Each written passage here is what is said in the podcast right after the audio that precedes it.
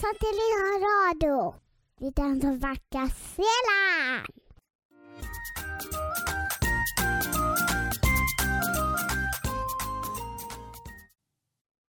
Lovet være Jesus Kristus, og velkommen til en ny uke her med Hverdagsfrø for små helter. Med meg, Erika her. Håper du har hatt en fint helg, selv om det har regnet ganske mye her. På lørdag fikk vi besøk av en gutt som heter Tony, her på Haramsøya. Han er fra et land som heter India. Det har du sikkert hørt om. Det er veldig langt borte. Han måtte bruke to dager på å komme til Norge. I India er de fleste som bor der, de er ikke kristne, sånn som vi er. De har en religion som heter hinduisme. Men fordi det bor så mange folk i India, så er det likevel kjempemange kristne. Det høres litt rart ut, men mammaen og pappaen kan forklare det litt. Frøydis og barnekoret vårt, de har hatt litt tekniske utfordringer denne uken. Så derfor sangen vi skal synge og lære i dag, er spilt inn av Amund, som er også musiker i St. Paul menighet i Bergen. Han spiller på et stort orgel og synger en sang om helgener. Nå vet du hvem helgener er. Vi har snakket litt om det før. Kom, la oss synge om helgener, heter sangen for denne uken vi skal lære. Kom, la oss synge om helgener, de vise hva sannhet er. De slet og de kjempet i liv og død, for Herren de hadde kjær. Og en var en dronning, og en var en gjeter. Etter sauene sine han. De var Guds helgener, hva de enn heter. Gud hjelp meg bli en god. Den sangen var sikkert ukjent for dere. Det er ei dame som heter Reidun Jofri, som har laget selv denne sangen. Hun har et eget barneprogram på Santrita Radio. Det heter Gode hirde katekese. Kanskje du har hørt på den før? Hvis ikke, da kan du høre på den. Der kan du lære mer om Jesus, som er vår gode hirde. Er du klar nå for å høre hva Freddy gjør på i dag? Skal vi høre om pater Sigurd er klar med et nytt kapittel for oss? Vær så god. Kapittel 7 Ikledningen Etter middag gikk søstera Gat opp til cellen sin, mens både Imelda og jeg satt trygt under sløret hennes. Du kan tro jeg er spent på å se en klostercelle, men for å være ærlig ble jeg skuffa. Det var en seng, et skrivebord, en hylle og en stol. Dessuten var den ganske liten, for da søster Agathe satte seg ned og leste, forsto jeg hvor viktig cellen var. Det var så stille og godt, ja, omtrent som nede i kapellet hos meg. Søster Agathe koste seg. Ofte la hun boken fra seg og noterte noe på et ark. Noen ganger hvisket hun noen ord, som om hun snakket med noen. Det tok en stund før jeg forsto det, men det er helt sant, hun snakket med Gud.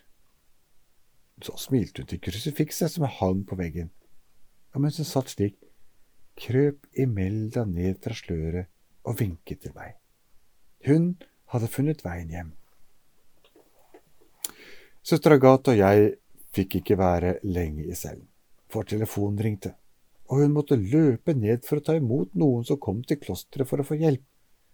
Hun fortet seg, som om det var selveste Jesus som kom. Hun lyttet lenge til det gjesten fortalte. Jeg vet ikke hva de snakket om, for bestemor har fortalt meg at slike samtaler er private og hemmelige.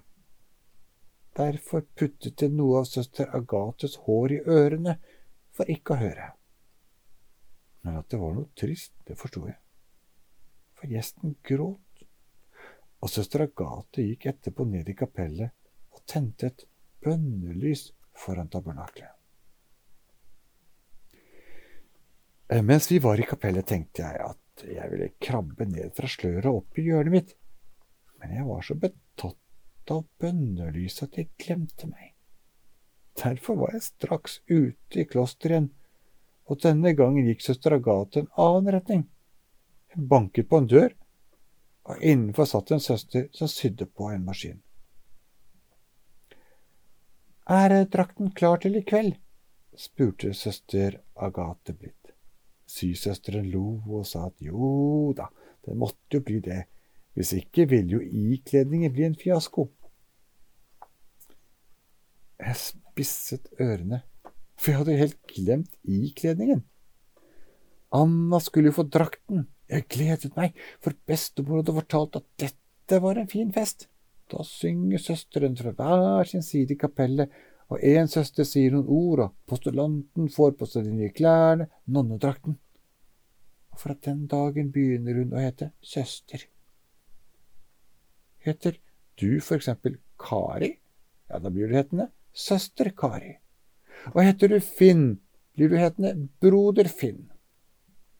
Bestemor fortalte meg at i riktig gamle dager, og noen steder selv i dag, vil søsteren få et helt nytt navn.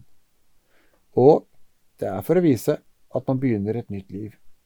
Så heter du da Kari, blir du kanskje hetende søster Hypostasia. Mens jeg lyttet til samtalen mellom søster Agathe og den andre søsteren, ble jeg forstyrret av at det var så mange stemmer i gangene. Vanligvis er det ganske stille i klosteret, for søstrene forsøker å bevare stillheten rundt seg, slik at de kan ha fokus på Gud. Det er det jeg liker best med klosteret mitt, at man passer på stillheten. For det er lettere å lytte til Gud når det er stille. Jeg var så vant til stillhet at alle stemmene skremte meg. Men søster Agathe var ikke redd, for hun åpnet døren, lo og hilste på alle som kom. Det var bare så vidt at jeg ikke ble flat av all klemmingen. Det hele ble så farlig for meg at jeg pustet lettet ut da vi alle gikk til kapellet.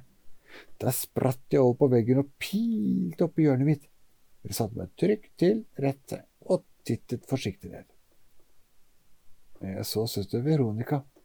Hun er sakristan i klosteret og har ansvar for kapellet. Hun er forresten den eneste av søstrene som vet at jeg bor der. Noen ganger sier hun noen ord til meg og det liker jeg, for da vet jeg at hun setter pris på meg. Hun er ofte i kapellet også utenom bønnetidene, for hun må jo passe blomstene og lysene og forberede messen. Søstrene får nemlig besøk av en prest hver eneste dag, og han feirer messe sammen med dem. Jeg elsker messen, og følger alltid godt med. Da sitter jeg i hjørnet mitt og drømmer om at også jeg er med på feiringen. Jeg ser for meg hvordan jeg svarer presten med ord og sanger, og at jeg går frem, frem sammen med de andre og mottar nattverden. Denne kvelden var litt annerledes. Jeg forsto at søster Veronica ikke forberedte til messen, for jeg vet hva hun pleier å gjøre da. Da setter hun fram kalken og pateren, og hun gjør klar prestens klær. Hun fyller opp vinen, tar fram brødet, som under mesten blir til Kristi legeme blod. Det vet jeg, for har søster Veronica fortalt meg. Nå hadde hun derimot med seg en tøybylt som hun la på en krakk.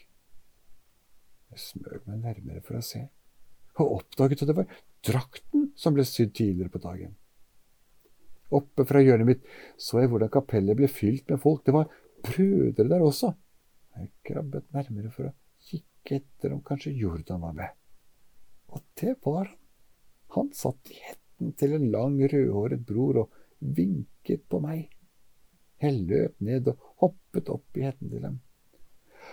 Hei, Freddy, hvisket Jordan. Jeg tenkte jeg måtte stikke innom en tur. Jeg nikket, og så ga han meg en high five og smilte bredt. Jordan fortalte at broderen heter Yngve. Han er ekstremt følsom i håret, fortalte han. Så kom for all del ikke borti et eneste hårstrå. Kanskje det er bedre at om man bruker sløret sitt, hvisker jeg tilbake. Slør! Brødrene! gjorde han så uforstående på meg. Jeg pekte med fire bein mot raden hvor brødrene satt, men lot ett og ett falle da jeg plutselig så ingen av brødrene hadde slør. Brødrene bruker ikke slør, din tosk. Du ser jo at de har hette, flirte Jordan. Jeg kjente jeg ble sprutere og sprelte med alle åtte beina. Kan dere roe dere ned litt? Det var stemmen til Katarina som skjøt inn. Vi vil gjerne følge med på ikledningen. Verken Jordan eller jeg hadde lagt merke til søstrene mine, Katarina, Rosa og Gemelda. De satt litt lenger opp på veggen. Imelda vinket til meg. Hette er vel greit nok, det, mumlet jeg og fant meg god utkikkspost. Anna sto på plassen sin helt i vanlige klær, men så også ganske spent og nervøs ut. Jeg hadde lyst til å krabbe bort til henne og stryke henne over kinnet, men bestemor hadde sagt at det ikke var lurt at vi edderkopper gjør slikt, så jeg lot det være. Så begynte alle å synge den sangen jeg liker så godt, men bare enda flottere enn vanlig. Ikke bare søstre, men også brødrene og gjestene sang. Det var som taket skulle reise seg og fyke av gårde i ren og skjær lovprisning. Og så ble det stille. Så ble det sagt noen ord, og Anna gikk frem. En søster hjalp henne på med den hvite drakten, beltet, rosenkransen og skapularet, og til sist sløret. En helt ny søster var født. Så sa priorinnen. Du har hett Anna. Fra nå av skal du hete søster Anna. Alle klappet. Anna, å, unnskyld, søster Anna, gikk så tilbake til plassen sin, og alle sang. Jeg hoppet opp og ned så beina gikk på kryss og tvers, og jublet så tårene spratt. Jeg har fått en søster til, jeg har fått en søster til. Jeg syns det er så fint å bli kjent med Freddy Edderkopp, og alt han lærer. Det er tre bøker som er skrevet om ham. Jeg hørte at det kanskje kommer én bok til. Det hadde vært kjempegøy. Denne uken tenkte jeg at vi skulle be for presten, ordensfolk og biskopene våre nå til slutten av denne programmen. Så i dag begynner vi med prestene våre. Så takker vi Gud for at Han har gitt oss prester som kan passe på oss og lede oss. Skal vi be nå en Fader vår sammen for alle prestene i Norge? De trenger våre bønner. Det kan vi gjøre sammen nå. Fader vår, du som er i himmelen. Helliget vorde ditt navn. Komme ditt rike. Skje din vilje, som i himmelen så på jorden. Gi oss i dag vårt daglige brød, og forlat oss vår skyld, så vi òg forlater våre skyldere. Og led oss ikke inn i fristelse, men fri oss fra det onde. Amen. Takk for denne stunden. Så høres vi snart igjen i neste episode. Følg med, og vær nysgjerrig på Gud, og lær mer om ham. Ha det!